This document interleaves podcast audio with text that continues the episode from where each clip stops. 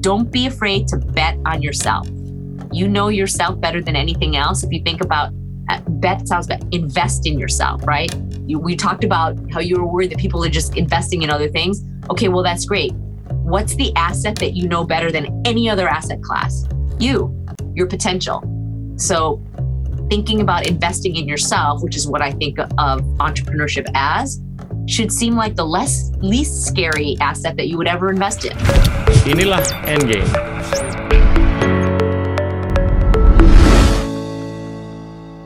Halo teman-teman, hari ini kita kedatangan Teresia Go, seorang Indonesia yang udah lama tinggal di Amerika Serikat dan juga merupakan founder dari Accrue Capital. Hi Teresia, how are you? I'm doing well. Thank you for having me. It's it's a real honor to have you on our show. Uh, we've been a big follower of yours. Uh, you've you've gone through, you know, so many successful stories. Uh, it comes with hard work. Uh, I, I want to touch on how you transitioned from Indonesia into the U.S. and your early struggles or journeys in making the necessary adjustment and and your your scholastic experiences and how you got hooked up with consulting and the VC world for so many years. Please tell us. Sure. Uh, well, a lot of it, uh, you know, I give all of the credit to my parents. Um, so I emigrated to the U.S. So I was born in Jakarta, Indonesia. Very proud to be uh, a, a daughter, if you will, uh, of, of of Indonesia. My parents came with me to the United States when I was a young child. I was about three years old. Uh, like many immigrants to the United States, we first lived with relatives. Uh, so we first lived with one of my uh, one of my mom's sisters, uh, and then with one, my mom's other sister. Uh, so first in Chicago, my mom's eldest sister, then my mom's middle sister in Detroit, and that was really where I spent my first couple of years in the States where I uh, learned English from my two older cousins who were 12 months older and 36 months older than me, and also from American children's television like Sesame Street and the Electric Company. Right. And my my parents, uh, my my father was a dentist in uh, in Indonesia. Uh, both my mom and dad graduated from Trisakti University. Uh, and then so came to the US. My mom was a nurse, my dad was a dentist. Uh, their certifications were uh, needed to be reaccredited in the US. So initially, my aunt and uncle, we, we lived with them above my uncle's Chinese restaurant, and my mom and dad worked there. My dad was a dishwasher, and my mom was the hostess along with my aunt. Uh, and me and my cousins you know, stayed upstairs with my with my oma and opa, with my grandma and grandpa, keeping keeping an eye, keeping an eye on the three little kids while my while all the parents worked. Uh, and so, you know, now looking back, I see the struggles and the major changes that my parents went through, not just in terms of, you know, cultural change, climate difference from Detroit, Michigan. If any of you have been there, quite cold in oh, the yeah, winter as compared times. to Jakarta. and then obviously, initially, education, you know, uh, occupational changes while my uh, mother and father uh, sought to apply to various universities in the United States where they could get reaccredited. But for me, at the time, being a little kid, it was just, you know, this exciting, happy time, like suddenly being so, you know, still having the familiarity of my mom and dad and my grandma and grandpa, my, my mom's parents, my, my, my mom's oma and opa, but then also this new family, right? These cousins and aunts and uncles that I hadn't met before because they'd been living in the States for a while. Anyway, so we lived there for a while. Eventually, um, dental school brought my dad to Buffalo, New York, even colder with more snow than Detroit. Uh, and after my dad graduated from his recertification in the US, my dad had actually grown up in a very small town in in Java uh, called Cirebon, mm-hmm. and so his not a small town. Not, it's a pretty big town. okay, well, it was small in his in in his telling of it to me, right? I don't know what it was really like uh, in the in the 40s and 50s when he was a young child, yeah. but well, at least relative to Jakarta, his view was it was a small town. So he wanted to uh, be the small town, you know, dentist. He didn't want to join a big dental practice group. So we uh, after he graduated he first started looking in what were suburbs you know not too far outside of the city of buffalo and ended up meeting a real estate agent who lived in a very small town which was about 35 40 miles outside of buffalo with a population of 2000 and he talked to my dad about this town and he said hey you know he's like our dentist is like 75 years old. He's looking to retire. Like, this could be a really interesting opportunity for you. Um, so we ended up moving to that small town. Uh, and my dad opened up the dental practice there and worked there until his retirement. Um, and in it, it's in the state of New York, but it's very rural. It's mostly a farming community. So, in many ways, uh, if you as you'd mentioned, uh, you, are a fan of westerns, but if you're a fan of things like uh, things like Little House on the Prairie or other things, sure. it's, it's, though in the state of New York, it's like geographically much closer to Ohio and the farming communities in Ohio and Pennsylvania than Manhattan, you know, New York City. So it's more like that. It just happens to be in the state of New York, um, and so that was that was where I grew up. It was, uh, you know, it was the kind of place where you know the kids just you know, small enough town, everybody knew everybody, even at a pretty young age. You just like ride your bikes or walk around town everywhere. So that was the positive thing. Um, you know, I didn't really, other than my immediate family or extended family, I, I lived in a community amongst um, all Caucasian Americans. So I didn't really know what it what it meant to be Indonesian or Chinese Indonesian. I didn't understand all of those subtleties other than the stories that my parents or my grandparents would tell me. And then really, um, you know, I was fortunate. I, I did well. Um, when I say fortunate, it wasn't really a choice. Um, I was. Uh, it was clear to me that my parents um, had made great sacrifices for me and my right. younger sister, was who was born in the states, um, so that we could, you know, live. Uh, not their words, but I now know basically the American dream. So we should work hard, do well in school, great public education, like get into a good college, and then uh, get a get a sensible degree so that you could have a good living and you know eventually um, support yourself and um, and as they did for their parents uh, if and when needed help support your your your parents and your grandparents as well. Um, so with that i was fortunate uh, and did do well in high school and was able to go to brown university um, and get my degree in engineering which was one of the acceptable uh, degrees in my parents' eyes. Tell, um, tell a story actually, about your your attempt to change your major to sociology. Oh boy! Yes, and yes, then you got you, you, got a little comment from your father.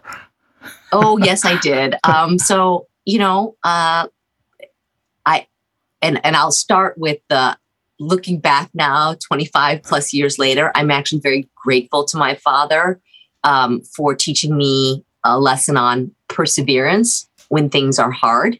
Right. Uh, and obviously, now that I'm a venture capitalist and I work in technology, it I feel it really benefits me to have that engineering undergraduate degree as sort of my foundation, even though I clearly, you know, don't write code or anything anymore. But it helps me in in uh, in speaking with and learning, uh, speaking with my entrepreneurs and learning about new technologies. But like like maybe many students, um, it was quite a culture shock going from a town of 2,000 people, um, most of whom don't leave that town for multiple generations, going to an Ivy League institution and being thrown in freshman engineering with you know other students who were clearly better prepared than I was. I mean, I went to a high school that didn't even have um, you know advanced placement physics or calculus, right? Um, and so I struggled. I got uh, what in the United States they call Asian F, which was I got a B freshman, but I but I also got a C. so I got one A, one B, and one C. And if if B is Asian F, I, I there's there's you know C is like the the grade that shall not be spoken.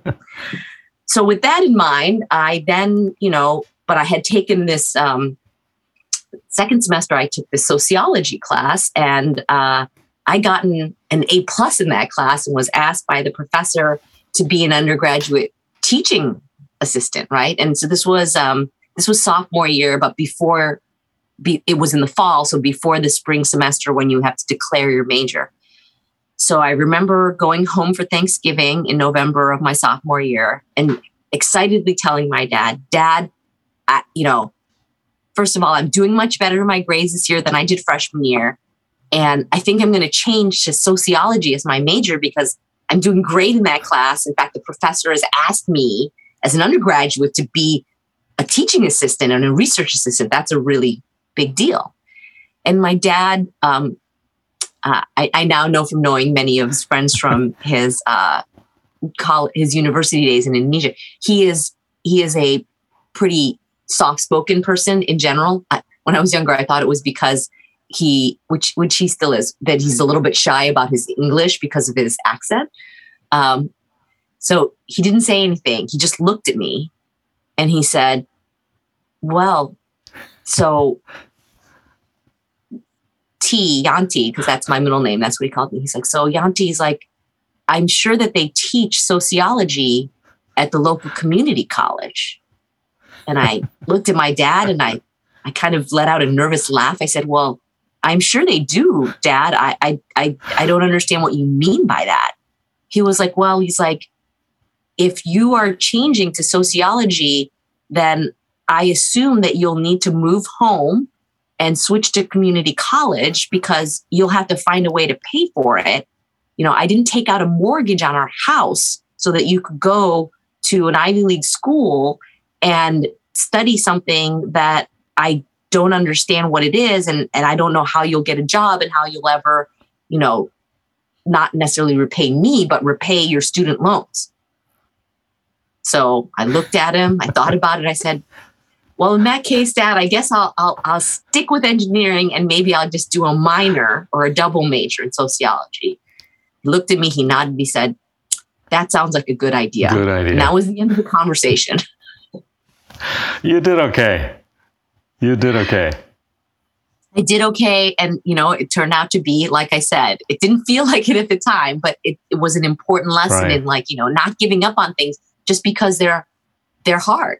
Right? right. And I was fortunate. I turned my grades around. I went from being the Asian F and C student to being a straight A student um, after that. Um, just, you know, realizing that sometimes things that are hard are very much worth it. Fantastic. And then you went on to Stanford, right? I did. I did. So I, I worked two um, two summer internships in engineering. One at uh, a General Motors uh, automotive facility not too far from home, and another at British Petroleum. I was a material science engineering major, and while I enjoyed those experiences working in real life as an engineer, I what what actually was more interesting to me was the people who were doing product engineering and product management. And because those were larger, more traditional companies, you know, all of those people had engineering degrees, but they also had uh, MBAs, masters in business, because that was how you moved from just just engineering into engineering management. And when you actually got to, you know, have input on like the design of the overall car, not just like the CAD drawings for one very specific piece of it. So I didn't know anything about business. My whole family, um, they're all doctors, dentists, they're all in the medical fields, um, which was not of interest to me for a variety of reasons. But anyway, so I was like, okay, great. Well, if I if that's what I want to do with my engineering, I want to move into this management, product management, engineering management kind of role. I guess I have to get this MBA thing. So I went back to Brown and I took my um, I took my um, entrance exam for for business school, and then I looked up like, okay, the people who go to business school, like, what jobs do they have before they go to business school? And at that time, in the in the 80s, early 90s, it was all they all worked at investment banks or management consulting firms. I didn't honestly didn't even know the difference between what they were but i was like okay well th- there's a bunch of these that are coming to campus and interviewing for jobs so i'm just going to sign up for every banking and consulting interview for a job that i can get and so that was how i ended up in management consulting at bain right. uh, in in boston after graduation and I, I enjoyed it and because of my engineering degree i got to work on some of the I thought some of the more interesting, more technical projects. So worked with one of the clients at the time. This was early days of cellular uh, technology. Right. um, helping them do an analysis on uh, which type they were moving from analog to digital Right. and which type of digital technology infrastructure should they move to. The um, time division multiplexing, which was going to increase capacity by 3x per spectrum, or um, the more modular code division multiplexing, which would create a 6x increase.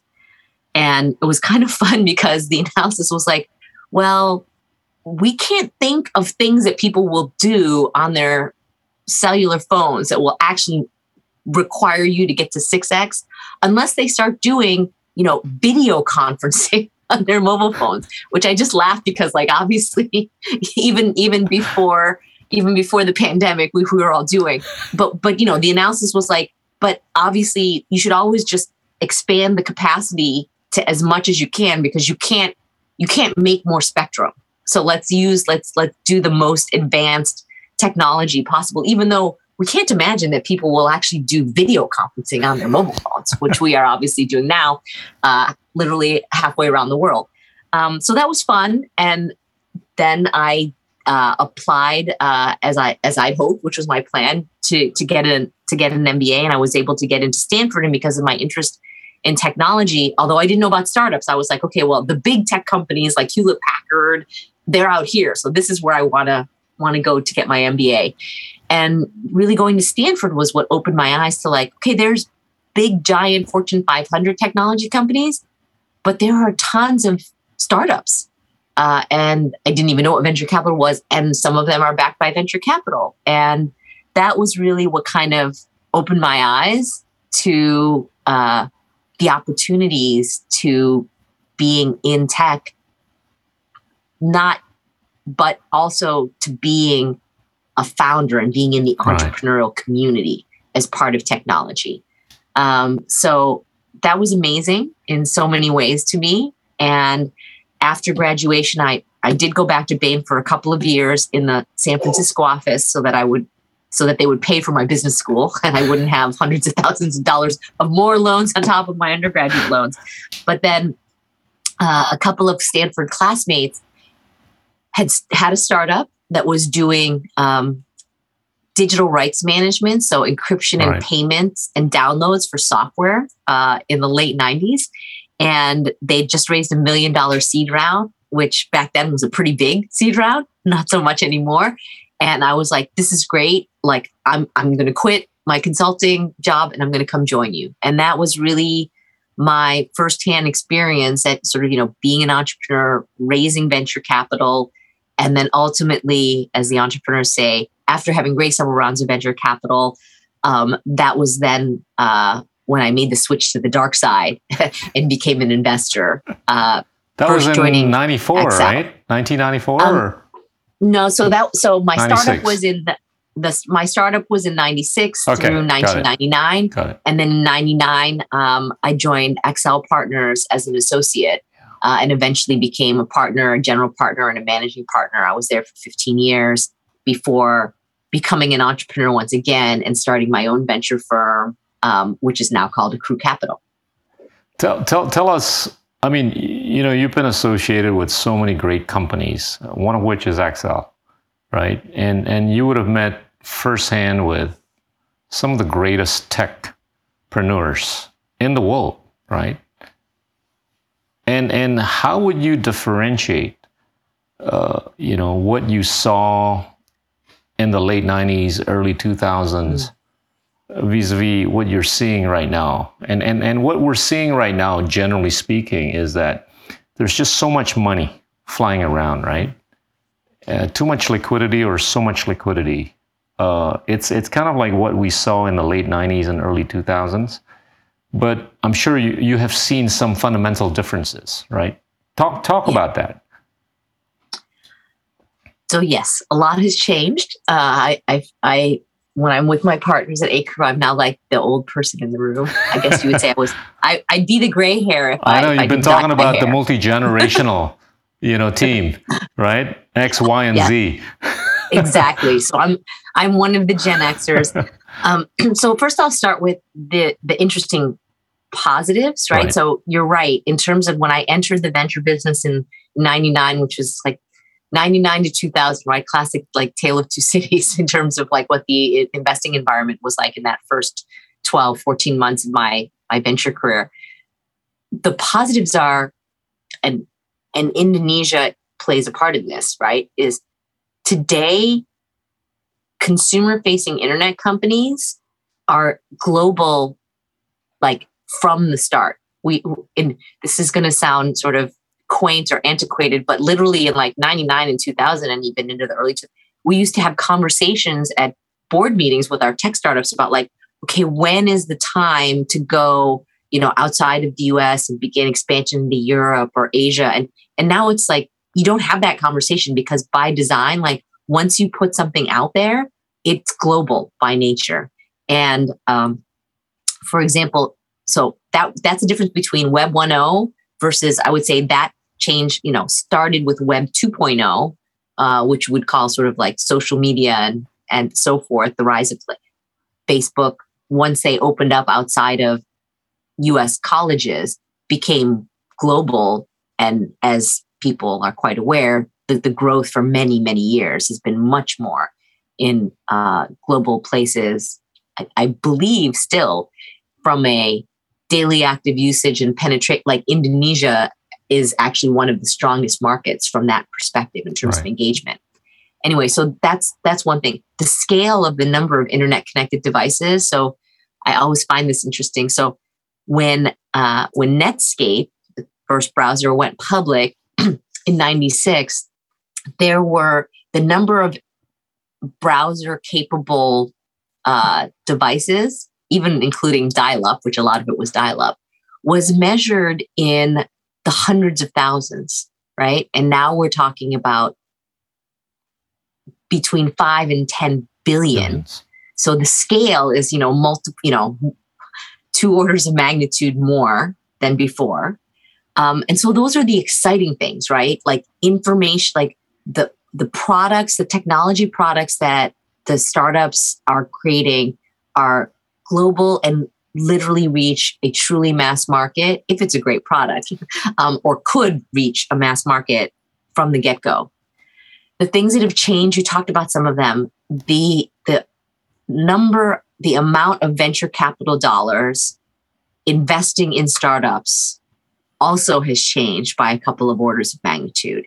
And that is both for the venture cap the traditional venture capital firms themselves like the Accels and Sequoias of the world, right? They, their funds have gotten much larger than they were in the late 90s, early 2000s. And also, you know, the the movement from um, very well written about and documented public hedge funds into, you know, they've they right. back then in nine they would cross over a bit with their 20% what they call side pocket allocations, but now they've created multi-billion dollar dedicated venture capital funds like the Tigers and, and the Coatues of the world.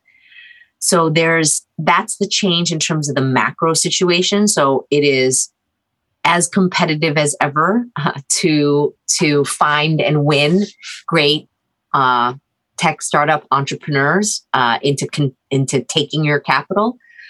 Uh, but I think that the the the need for VCs like myself and others to actually have clarity on where do we have a differentiated value proposition for an entrepreneur there's some positives that, that that come from that right? You know we at acrew have spent quite a bit of time learning from from our from our our other startups with our startup which is hey we need to have a mission. We need to have right. a value statement about like what makes us different from all the other there's money everywhere. What are we doing that's different? And we know that like any other product that you product that you create doesn't appeal to everybody. Right. but it, if, if it appeals to your in in tech company startup because i was just reading a board deck before i got on the zoom with you like ideal customer profile like know who that is. Who's our ideal founder profile roughly speaking? And let's make sure that we have a value proposition a mission a set of values that um, speaks to them. We know we're not going to win every deal. Uh, that's very unrealistic, even at a big firm when sure. I was at a big firm. Sure. Um, and so I think that that's been positive. I think that there has been, so one of the one of the positives of the as we call, used to call it the nuclear winter uh, post uh, internet 1.0 or the dot com bubble was that by and large most entrepreneurs who are doing it now are are building companies because they're really excited about what they're doing and they think that it's going to have a meaningful impact. They're not doing right. it because they did some market analysis and they think this is, you know, this is where the opportunity is. Like they tr- have true passion for what they're building, um, which I think you need to have, knowing that vast majority of startups don't work out, don't become public companies, don't get acquired for successful uh, outcomes. So um, that's been a, you know, it was sort of like there was the wave, then it went down, and now I think that's the residual of like people are doing it um, because once again, which was certainly true back in the 80s, 90s, is because because it was unglamorous. I worry a little bit about the fact that, you know, entrepreneurship and being a founder has become sort of like the thing right. that the cool kids want to do. Yeah. Um, because it's it didn't used to be cool. Um, and maybe it's good that it's cool. I don't know. Sometimes some days I wonder. Um, but it's really hard. So you have to be in it for the right reasons. Now you, you've you've been talking a lot about the role of women, right, and diversity. You've been an advocate for diversity being correlated with even higher ROEs within companies. And, and this is supposedly universal, not just in the US, right? Talk about that. And, and I know you've been very passionate about this. And, and I think it's going to resonate a lot with, you know, people who, who care about diversity in Southeast Asia and who care mm. about the role of women in entrepreneurship, which we're not seeing much of yet, right? Please. You you bet. And I, I think I will point out that it's it's interesting because uh, you know, I'm sitting here in the United States, which is one of the few democracies not to have a female leader, head of state, uh, which which Indonesia has had. We've had a female others, president. Yeah. Exactly. So yeah. I'm just saying it's interesting. So I definitely don't want to come off as like uh, preachy, and we, we we certainly don't have all all the answers here. And actually, interestingly, disappointingly to me, and this is part of why I took up the mantle is, you know, tech companies, which on the one hand, you know, are literally pushing the bleeding edge in terms of introducing new, you know, whether it's cloud computing, you know, blockchain, blockchain, or back in the day, you know, you know, mobile web browsers, like the first set of technologies, right? Um, but they actually lag even relative to the United States Fortune 500 companies right. in terms of the diversity, whether that's gender or ethnic or other diversity on their boards. Um, it's pretty, it's pretty sad to see. It's great that they're now reporting. It used to not necessarily be reported, but as you were saying, so look, I think there in the there are study after study, both in the US and globally, in the US from groups like McKinsey and Company, which show that, you know, gender diverse boards and management teams, you know, outperform on a return on equity and on ROE basis in sort of the mid 20 ish percent uh, improvement. And then if you have both gender and ethnic diversity, it increases that to like 35% ROE outperformance relative to peers. So, you know, you don't have to have the same personal passion that you and I do. If you're a person who looks at numbers, that's pretty compelling. That that's not a that's a statistically significant uh, improvement. And then there's also studies from from Google. There are studies um, out of HBS that study sort of Western Europe. There there have been many studies, all of which show the same directionality uh, that teams the Google study specifically was high performing engineering teams, which I thought was interesting because it's kind of like breaking it down into like what's ought to be the most coveted bastion of, you know, uh, in, in, in tech world anyway, like the engineering team is sort of like this. And they found that, you know, uh, homogenous uh, teams made faster decisions but tended to make less good decisions because everyone was more likely to agree very quickly on the same thing because everyone was coming to the table with a similar like worldview and lived experience. And because fundamentally what tech startups do is new, there's not, I mean, there's things, there are things that we can learn from like prior generations of technology, prior businesses. But the specific problem that you're trying to solve, or the specific problem you're trying to solve when you're an engineering team at Google, for example, is like you're building something new. You're not necessarily trying to make something better, faster, cheaper. If if if that's the part, then probably there's benefit to more homogeny, right? Right. Because you can get to the decisions faster. Right. But when you're trying to build something that's never been built before, like you need to think about things in a, in in fresh perspectives because there is no clear answer. So what you really want to do is you want to try to try multiple things, you know, have different points of view, and maybe you'll try anyway. So hopefully I've convinced the audience that this is not just a Theresia or Gita crusade. This is like it's grounded in, you know, academic and business research that proves Right. out the benefits to companies to having diversity of perspective and more diverse individuals on the board and in leadership teams. You know, I, I feel very fortunate that this has now become pretty well accepted Mm. uh, in American business and in American tech startups.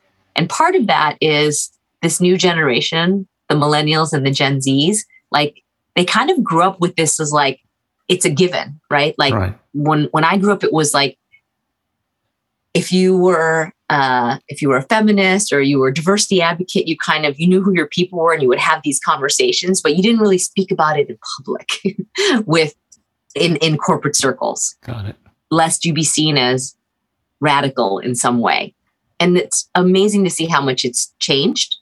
Um, and so, therefore, you know, I have been a long time advocate for this. I'm part of the founding uh, membership team of a group called All Raise, which is a group of women VCs Right. who are dedicated.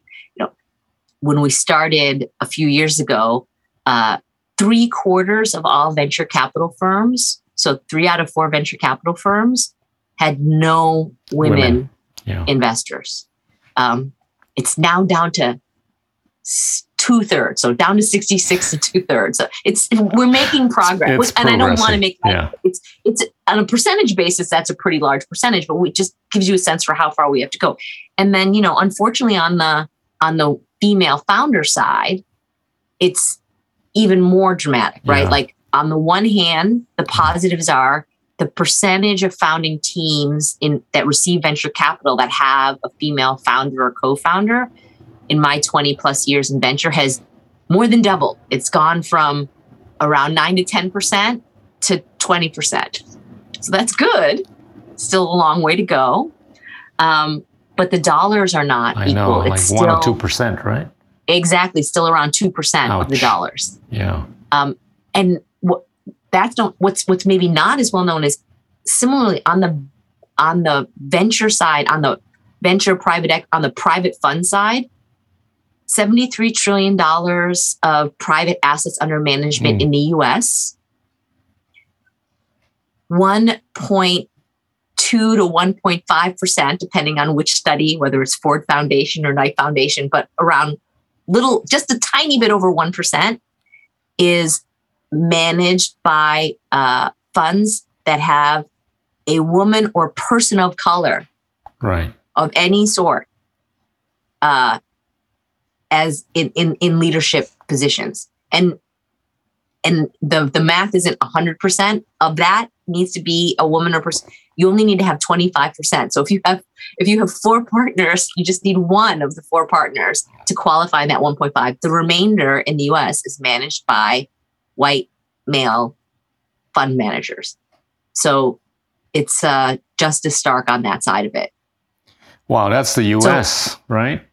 It's it's Yes, it's and- a little bit more dramatic in this part of the It's world. It's even worse outside Yeah. of the US, with the exception, I think Europe is a tiny bit, yeah. I only know European venture is a tiny bit better than the US.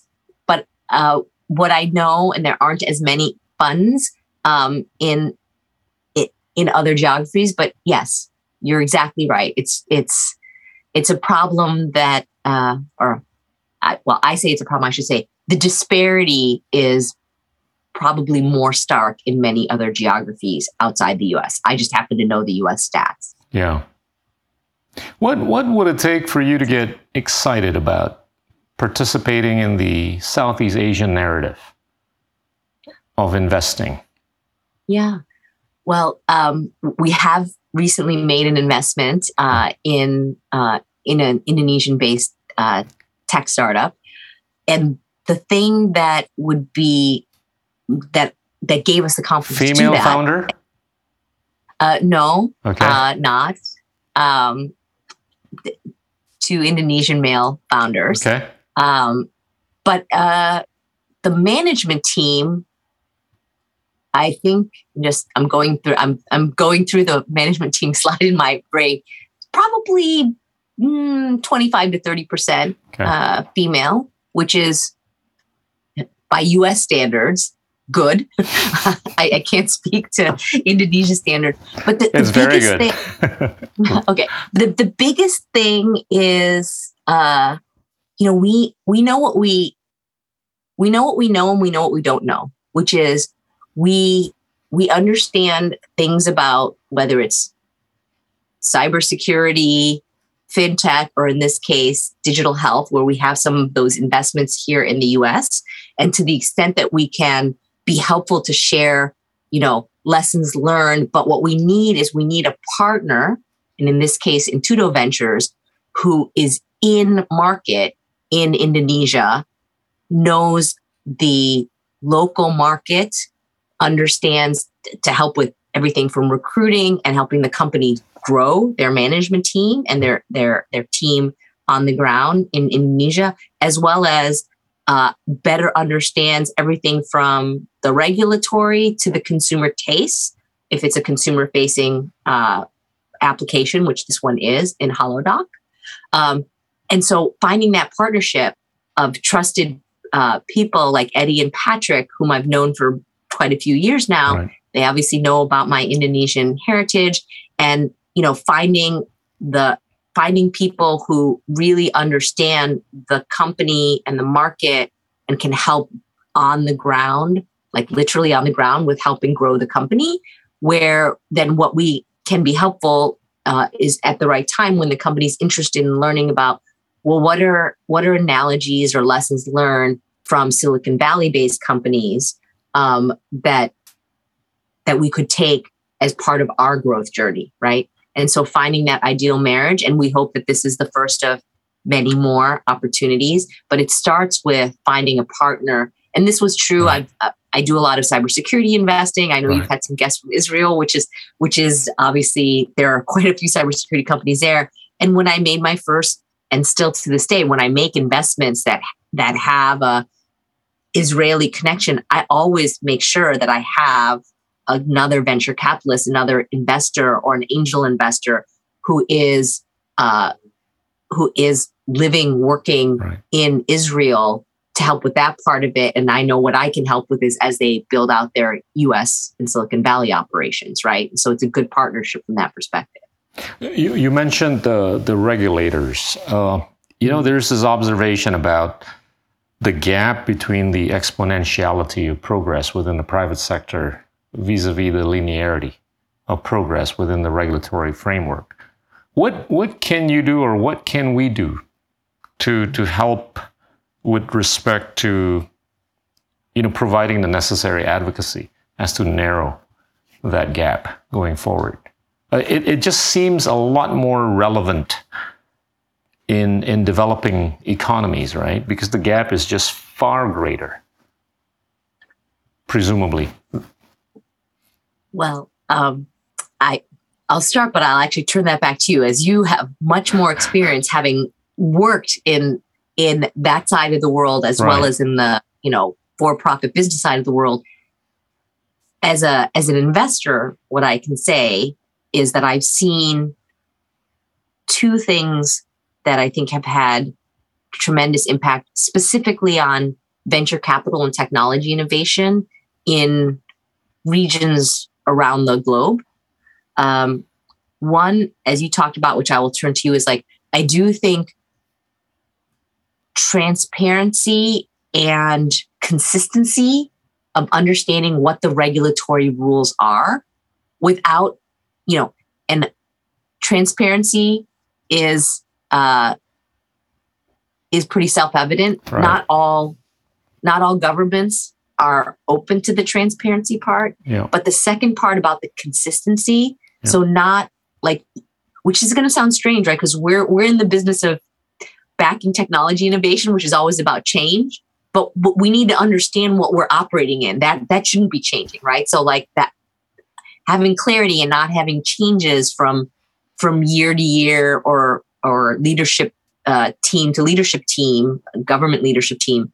That that's what's necessary because otherwise the tech startups are like building these businesses to to the ones that are good citizens trying to fit within the current uh, regulatory frameworks. Right. But if those are changing all the time, it it becomes a moving target for them. The second one is, and I'd be interested in your thoughts on this because uh, because of your uh, your experience. I have seen that when uh, governments uh, put some of their investment dollars into uh, not necessarily directly into companies, but into managers who are specifically focused on uh, backing technology innovation, that that has led hopefully to good returns if you pick the right managers, um, but more so access, early access to seeing what the emerging technologies are, because that that's Right. the managers you're backing are investing in. Um, so I don't know if that's something that that resonates with you, but I, I I've actually Oh, totally. I've been Yeah. venture long enough that like initially we were skeptical of like these governmental entity and and they've been great partners and I think most of them would say those who actually invested in spending the time to get to know the companies and the managers they feel that they it has paid dividends for them in terms of early access to seeing technology trends in companies. I, I think one of the more structural issues anywhere, not just with this part of the world, is is the lack of open-mindedness, right, Mm, within the public enterprise, and and that makes it difficult for them to better understand what's happening in the private enterprise or in the private space, and to the extent that there is open-mindedness, then there is an ability, if not willingness, to exchange ideas, and the exchange could could go to the extent of what we might be seeing in Singapore, where they actually second government employees in a private space for one, two, three years, and that that I think is a powerful way to democratize ideas, right? And then once the ideas get democratized, they get fused, and it just creates a much more synergistic, you know, way of I don't know doing things better, faster, richer, right? And this this sort of like touches upon the topic of education. I know you've been very passionate about ed- education. You've been involved in a number of schools, you know, on the boards of Brown and Council of Stanford and other schools and stuff like that. Talk talk about education. I'm I'm you know, I've been advocating a lot about you know, focusing more on good quality teachers as opposed to just the curricula, as opposed to just the quality of the students. And and unfortunately, in many developing countries, you know, the quality of teachers is not just you know at par with what we might be seeing in you know places like where you're staying. Uh, is is that a concern for you as an investor who might be investing in a place where perhaps the quality of teaching is not being addressed the way it should be. That's a really good point. Um, so to be honest with you, my my my knowledge of educational systems outside the United States is pretty limited. Um, I can tell you, but it resonates with me that the quality of teaching is important. because I've seen that in the United States, particularly in the kindergarten through 12th grade, right? Elementary and high school right. education. Uh, and part of my work on a nonprofit called donorschoose.org here in the US is 100%, it's very teacher focused, right? The teachers uh, put projects up and they are uh, funded either by citizen philanthropists, as we call them, or by corporations who want to sponsor all of the teacher projects in their area, uh, maybe around their headquarters or or wherever they may have significant locations. And it's very clear in in again in those cases which it resonates and makes sense to me. I, I, I know you're very involved in this. I'd love to hear what what you've been seeing. What and you've been a very passionate advocate in Indonesia for education. In the US, it is very much around teachers and the impact that teachers can have on students, regard to your point about regardless of curriculum, right? Because in public schools in the United States, there's very, you know, by district, it's, you know, every teacher is required to teach the same materials, right. roughly speaking. So it's all the differences in outcomes are all around who the teacher is and how they're able to connect with and impact their students. Um, so I've been very much, I'm very much a supporter of that. I think it in uh, in many in many countries outside the United States, particularly when it comes to tech innovation, right? Sort of, and this is sort of like US's loss is fill in the blank, Indonesia, China, India's gain. A lot of those entrepreneurs have been, um, I guess the word might be repats, right? So they they they they were expats. They either went to university or graduate school or worked in the United States, right. um, and then went back uh, to their to their home countries and started companies very successfully in in many many cases, yeah. right? So that is something that. Uh, thanks to the U.S. Uh, immigration policy, seems to be an open door for for for other countries. But the your point about you know to really get to scale, right, is like the the educational systems in country need to in, in some case in some cases already are and in other cases maybe need to improve in order to make that more available on a more mass scale because only so many students from say Indonesia are going to come to the United States right. for university or for graduate school in any given year for a lot of reasons. You know, there's there's about 8,500 Indonesians in the US compared to what, 4 or 500,000 Chinese in the US. Probably 150 to 200,000 Indians in the US. And and I'm I'm just using US the US as an example here. It's it's not the most important example, but you know, I think Indonesians need to focus a lot more on STEM and you get a lot of STEM knowledge in places like Europe, the US, China, Japan, and Australia. So, you know, we got to take the long view, right? If we want to do well technologically. And, and that's something to consider. And, and I've been, you know, pounding the table on this, you know, over here. And, and I do believe education is, is an important part of the thesis for anybody, including those in the investing world. I want to I want to switch topic a little bit to blockchain. I, I know you know Acrew focuses on cybersecurity infrastructure, fintech, and data, and all those cool things. But blockchain has been on on your mind for for quite a while, right?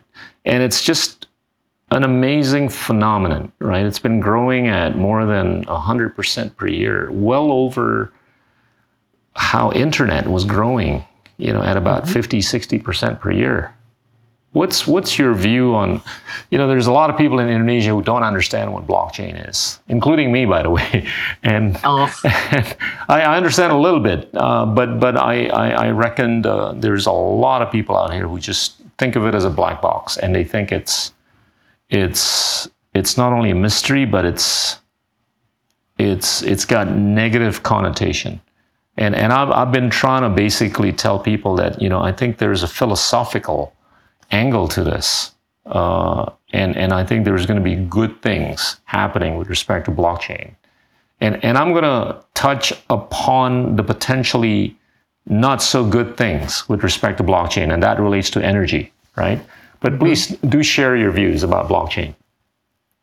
Yeah, sure. So, um, and I'm glad that you called it blockchain as opposed to cryptocurrencies. I know that's, a, that's an application layer of yeah. something which is fundamentally, I think of it as a transport layer. So, so, so at I and at Acrew, we actually started looking at. So we we're we're very thematic in our investment themes. We we we at least twice a year do deep dives on things that we think are interesting. We actually do, you know, we don't do white papers, but we do presentations to our partners about here are the areas that we think are interesting for investment.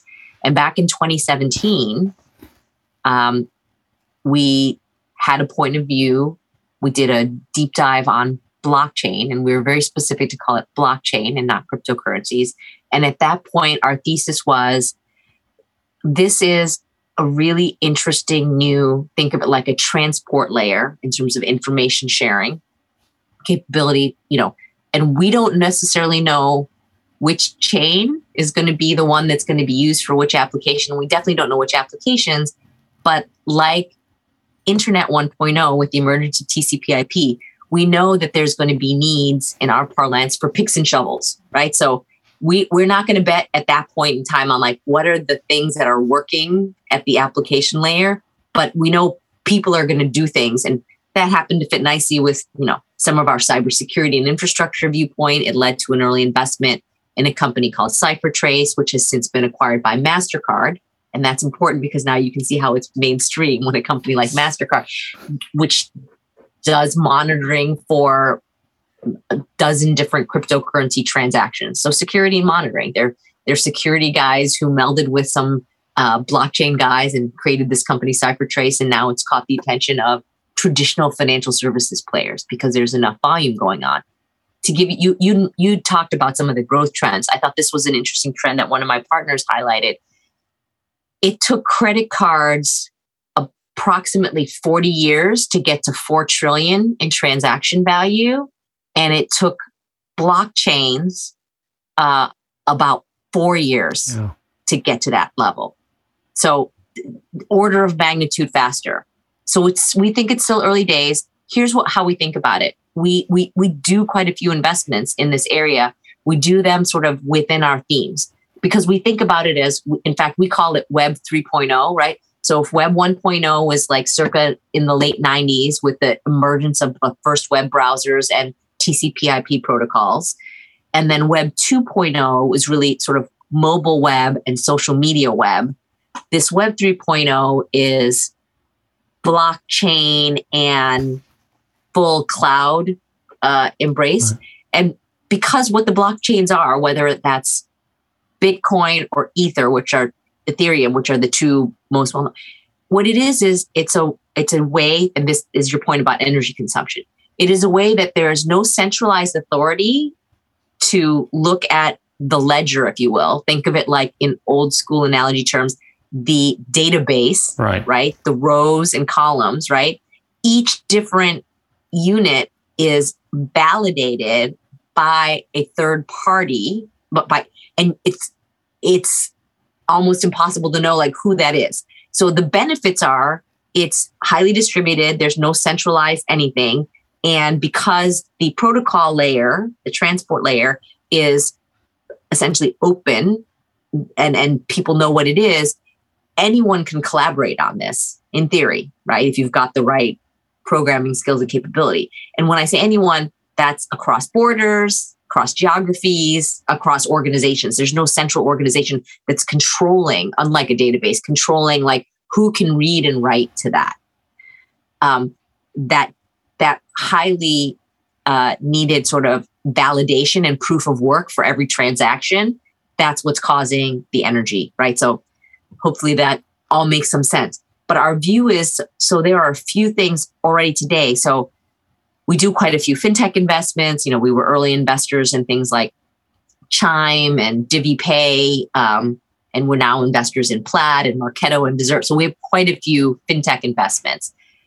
Our view is that blockchain, as it is like the next wave of fintech companies, are all essentially what are called decentralized finance companies, which are blockchain companies, right? So companies that are doing things that are known and needed in the traditional world, like payments or like insurance, but instead of being built in a traditional form with a traditional company that controls all of that infrastructure. They're being built on top mostly of Ethereum, um, which is the there are a bunch of reasons why that's the one that's that's been the early adopted one in fintech. So right. we think that that's an interesting opportunity. There's been a lot of talk about NFTs, non fungible tokens, and the impact that that's going to have on consumer internet companies.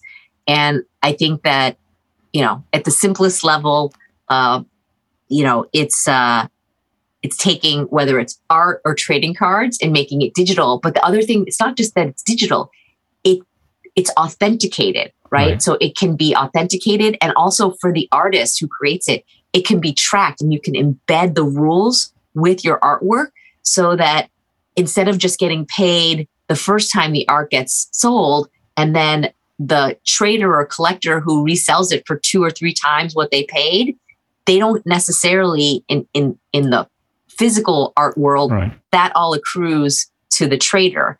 But in this case, you can write in the rules in order to, you know, guarantee the provenance and the authenticity of this artwork that no, 10% goes back to the artist as well on an ongoing basis in perpetuity or for X number of years or Y number of years. So I know, sorry, that was a lot, but we think that this is really interesting, fundamental, and it's not about betting on which cryptocurrency. And in the same way, sure. we're not we're not traders, right? So I don't have a forex trader who's figuring out how the dollar is going to move against the rupiah or anything like that. That that's not what we do, and that that's at the currency level, right? There's some excellent firms who do that very well. It's a very different mentality.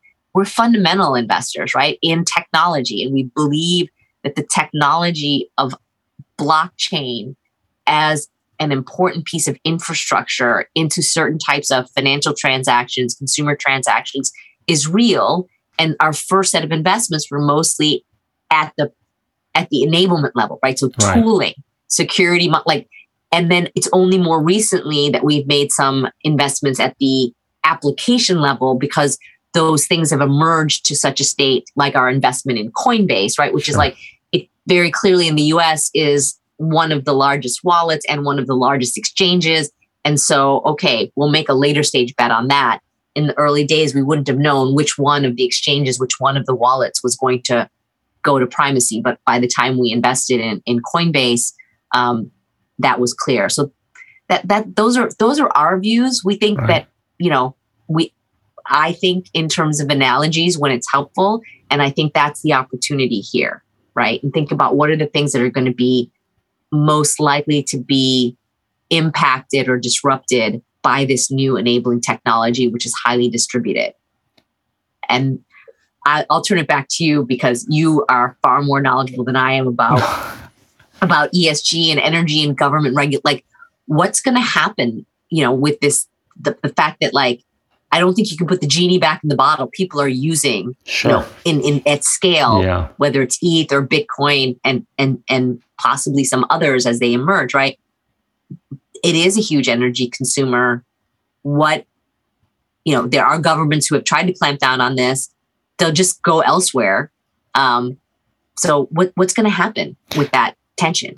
You know, by by way of what I'm reading, uh, Ether seems to be on its way of, finding the solution for energy efficiency. I'm not sure about Bitcoin, right? And and that's problematic, right? If you take a look at the energy usage for Bitcoin in, in the last what year or two, it's it's equivalent to what about 130, 140 tera terawatt, which is a lot. I mean, that's equivalent to the energy usage of an Argentina, right? Uh, and, and put that in the context of the developing world, where energy generation capabilities don't add up, you know, as quickly as much as perhaps a China or the United States or Western European countries. It's problematic because it's it's gaining a lot of popularity in the developing world. Call it Southeast Asia, right? Uh, a lot of the Gen Z members are gravitating mm-hmm. to this, right? They, they like this, and and I think it's on the basis that you know they kind of prefer a much more decentralistic type of model as opposed to a centralistic, and which which leads to the second question that I wanted to ask you philosophically you know, do you see these two different models, one centralistic and the other decentralistic, being able to coexist, you know, in the future? I think, I think in many cases they will co- co- coexist. Yeah. Uh, I think that I think they will find the the businesses and the models that that fit that you know there are certain things that makes that benefit from being decentralized but not everything so take for example uh the other extreme you know the physical manufacturing of items needs a centrally coordinated right. organization and system. Yeah. But things which are truly 100% virtual or digital can be can benefit right. from a more decent so so that's my simplistic way of thinking about like okay those are pretty obvious. There are a bunch of things which maybe are more in the middle, and we'll we'll see what happens with that, right? Like in terms of like, what about um, state? What about so the payments piece of commerce is already being decentralized and can be, um, which I think gives you some insight into like at least why, why I think people like the the Mastercards and Visas of the world are interested in, sure. in companies they that are doing to, inevitably, right? Yeah. But the act, but then there's the if the commerce is a physical item, there still needs to be some centralization of like who's going to figure out like how to ship it or how to get it, you know, how to how to warehouse it and then ship it to me or to like. So some of those things don't make sense to be completely decentralized, and then I'm not smart enough to figure out what what's going to happen with things that are somewhere in the middle right? So I think the things that are somewhere in the middle will be broken down into components and the things which can be decentralized will be and the things that can, again back to my web 1.0 web 2.0 web 3.0 analogy right like in web 1.0 everything was just like we just make a website and then put a dot com after our name and our stock price would go up right? And it turns out that for some things it makes sense to do it digitally. Some things don't make sense. And so while the world and the businesses sort that out, there will be a lot of confusion. But eventually it will sort itself out and things will coexist in both the decentralized and the centralized way, just as things continue to exist, you know, online and virtual only as well as physically. Um, so in the days, you know, in the olden days, pre the pre-internet 1.0, right? It, it shook itself out. Look, I uh, I, I want to just check with you this is sort of like the argument that's been used to support Bitcoin or crypto, right? I mean, it's it's an uncorrelated asset class, mm. right? Which is why it's popular amongst money managers. And and at the rate that there's about hundred trillion dollars worth of liquidity flying around, floating around in developed economies, it's it's inevitably the thing to hold on to you can't just hold on to stocks and bonds and properties. It's a new asset class, right? I want to I want to check with you on on the line of thinking that I've been sharing with people.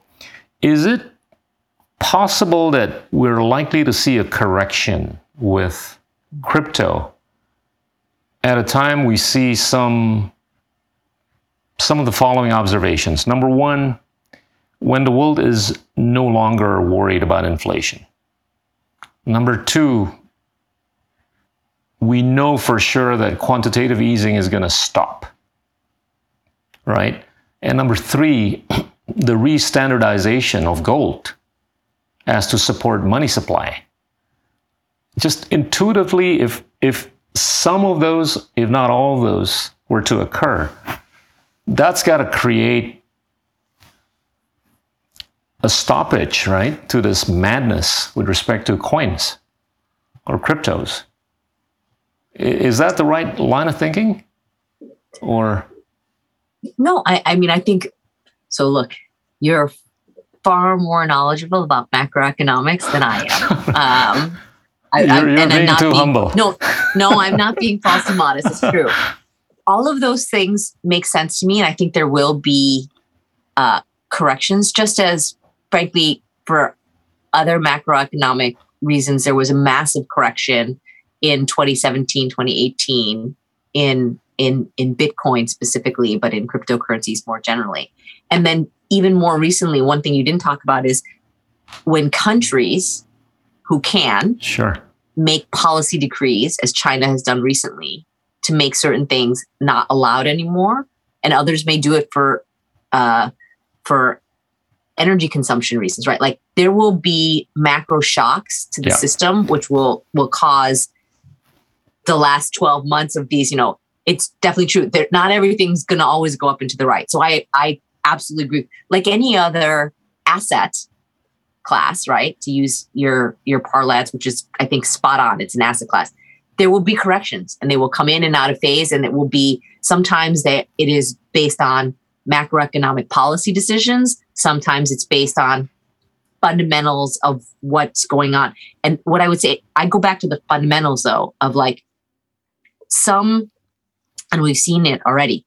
Some chains will be more impacted than others, and the ones that will ultimately continue to have value, as I hope other assets that inherently have, is are they actually being used for real transactions in some scale, right? Because macroeconomic shocks will will change the relative value of that asset but the intrinsic value of the asset right. is based upon the work, uh, in this case, that the currency that the chain is doing, the amount of real work that's so. So, do I think? Do I think Ethereum is going to go away? Do I think Bitcoin, even with the energy consumption challenges that you rightly brought up, is it going to go away? I don't think it's going to go away. Right. Might the price correct significantly because of either self inflicted or macroeconomic uh, policy reasons? Yes, the price, the relative value could go up and down, but there's some intrinsic value there. Some of these more speculative coins, right, which have project that have soared, frankly, more than these two main ones that we're just talking about, if they're not actually being used for significant amount of transactions or work, shall we say, on that chain, then that those things could go to essentially zero, right? Because then they go down to the intrinsic value, not the speculative value, which I think a lot of this traded up on speculative value, right? right? So what's the it's, it's in that sense, I feel like it's like looking at stocks, like other apps. Like, what's the intrinsic value of the company? Like, we can think the company is a good company, but we can think that the stock price is currently overvalued or undervalued based on a whole bunch of other factors, including, by the way, this is the biggest one, which you didn't talk about, is like currently public sentiment. Sure. And your point about the Gen Zs in Southeast Asia, I see as well here in the US. It's interesting to me. at this debate with some of my um, uh, Gen Z and interestingly, my millennial partners. I think many of the Gen Zers would agree with this. It's interesting to again, not not statistically significant in any kind of social science kind of a way, but just it's interesting to me that many 20 somethings and teenagers prefer to invest invest in to buy assets that are cryptocurrencies than to buy stocks. I don't know whether that's transitory or permanent. If it's permanent, then it's pretty interesting yeah. and speaks to what the ultimate scale of this will be. Right. Scary. Interesting and scary. You know, I just don't want the kids and grandkids to get lazy. You know, you know, at the rate I see so many people around me making so much money investing in Bitcoin or Ether, they just sit around. Who's gonna Who's gonna make the clothes? Who's gonna make the shoes? Who's gonna make the whatever? Right? Somebody's got to make and produce. That that that's the the message that I convey to to the Gen Z at least. Uh, some millennials too. They're getting addicted to, you know, just sitting and investing. Uh, but somebody's got to be making some things. So I, I want to ask you about Tesla. I get asked a lot here. If if if you take a look at the value of Tesla on a per car produced basis, right? It it's probably at around two million dollars per car produced and Tesla sells for what forty to one hundred twenty thousand dollars, right? And if you take a look at Volkswagen, Toyota, they trade at about twenty to thirty thousand dollars on a per car produced basis. Company value divided by the cars produced. It's it's a crazy gap, right? And and I tell people that it's simply an amalgamation of AI, robotics, and autonomy, right? For Tesla the other guys just don't do that as well as a Tesla. Is is that a reasonable explanation, or is that an outrageous explanation? No, I, I think it's a reasonable explanation for sure. I'd add one more thing in terms of the technology that they have, which uh, which is the the battery storage is highly valuable even ab- above and apart like as, as we think about renewables more broadly and i know that they bought SolarCity so they have some solar but like thinking about the value of that asset which is incredibly challenging to develop. Right. so i think all of those things are what i think investors are just valuing it differently right? Does that does that does that sustain the 2 million? I don't know right but i would argue that they're just using a very different set of metrics to value the company than the way that they value a volkswagen a traditional automotive company. Um, is it right or wrong? Is it overvalued or not? That's beyond my pay grade but i agree with you. Those those factors that you brought up which is autonomy ai ml um, computer vision i would throw in the battery you know battery storage capability for renewables um, those are all incredibly valuable what is that if you then try to translate it to a per car basis is that the right or the wrong value i don't know but i think that they're just valuing it on those dimensions not on raw production Wow. Hey, we've spent a lot of time, Theresia. I'm going to ask the last question in Bahasa. Okay speak slowly please Ada ada pesan apa aja untuk wanita di Asia Tenggara atau Indonesia yang mau jadi entrepreneur? okay i think i caught part of it but you're gonna What's what's your message for oh the that's what that's what i females in Southeast Asia who entrepreneurs. want to be I- entrepreneurial? I wanted to make like sure you? I, I wanted to make sure I got it right. Um, uh, so what I would say is, I think that there is so much opportunity. You know, Indonesia has the population and growth characteristics and youth characteristics that make it incredibly exciting and dynamic market. And I think as an entrepreneur, as a female, right? One of my, I'm going to share this. One of my, one of the first female CEOs that I worked with shared this with me. I know for a lot of people, it feels like daunting to maybe start something as opposed to going to a more traditional uh, career or job.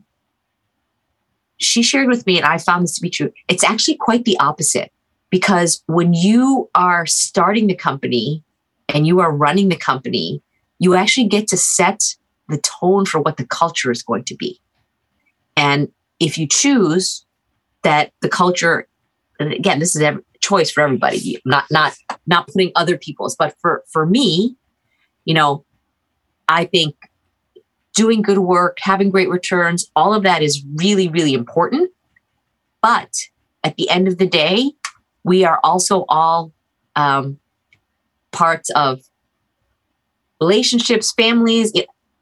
It, only works if the whole person is allowed to make choices about when and where and how. And this is going to sound very cliche now that we're in a virtual time, but trust me, five years ago, this was not so much. It's like you trust people to do the work, and it actually gives, like, so I have found that I have so much more capacity to do work. I've been as productive, more productive than ever. If you look at, you know, investments and returns since founding and becoming a founder, which definitely sounded scary to my mom and dad. They were still worried for a long time when I told them I was leaving a big venture capital firm.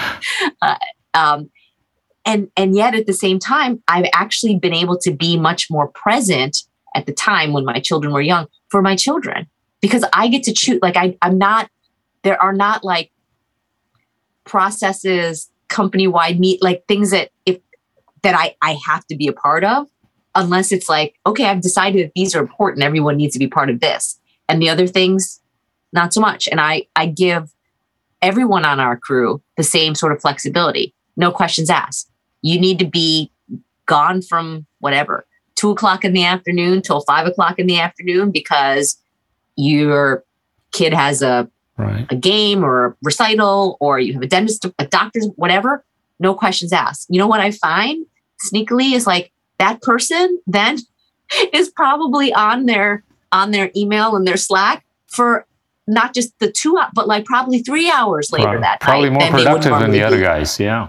Exactly. You give people the trust. Sorry, that's a long answer. The short answer is you should absolutely do if you if you if you have the desire, if there's something that you're excited to start, don't be afraid to do it. Take don't be afraid to bet on yourself. You know yourself better than anything else. If you think about uh, bet sounds bad, invest in yourself, right? You, we talked about how you were worried that people are just investing in other things. Okay, well that's great. What's the asset that you know better than any other asset class? You, your potential. So thinking about investing in yourself, which is what I think of entrepreneurship as, should seem like the less least scary asset that you would ever invest in. You couldn't know it better than any. I mean, even if you're an expert at Ethereum, I don't think you're going to know it better than you know yourself. Wow. Great. Thank you so much, Theresia, Thank you. for, for your Thanks time. for having me. It's it's Terima been kasih. fascinating. Teman-teman, itulah Theresia Gouw, founder dari Acrew Capital. Terima kasih. Inilah Endgame.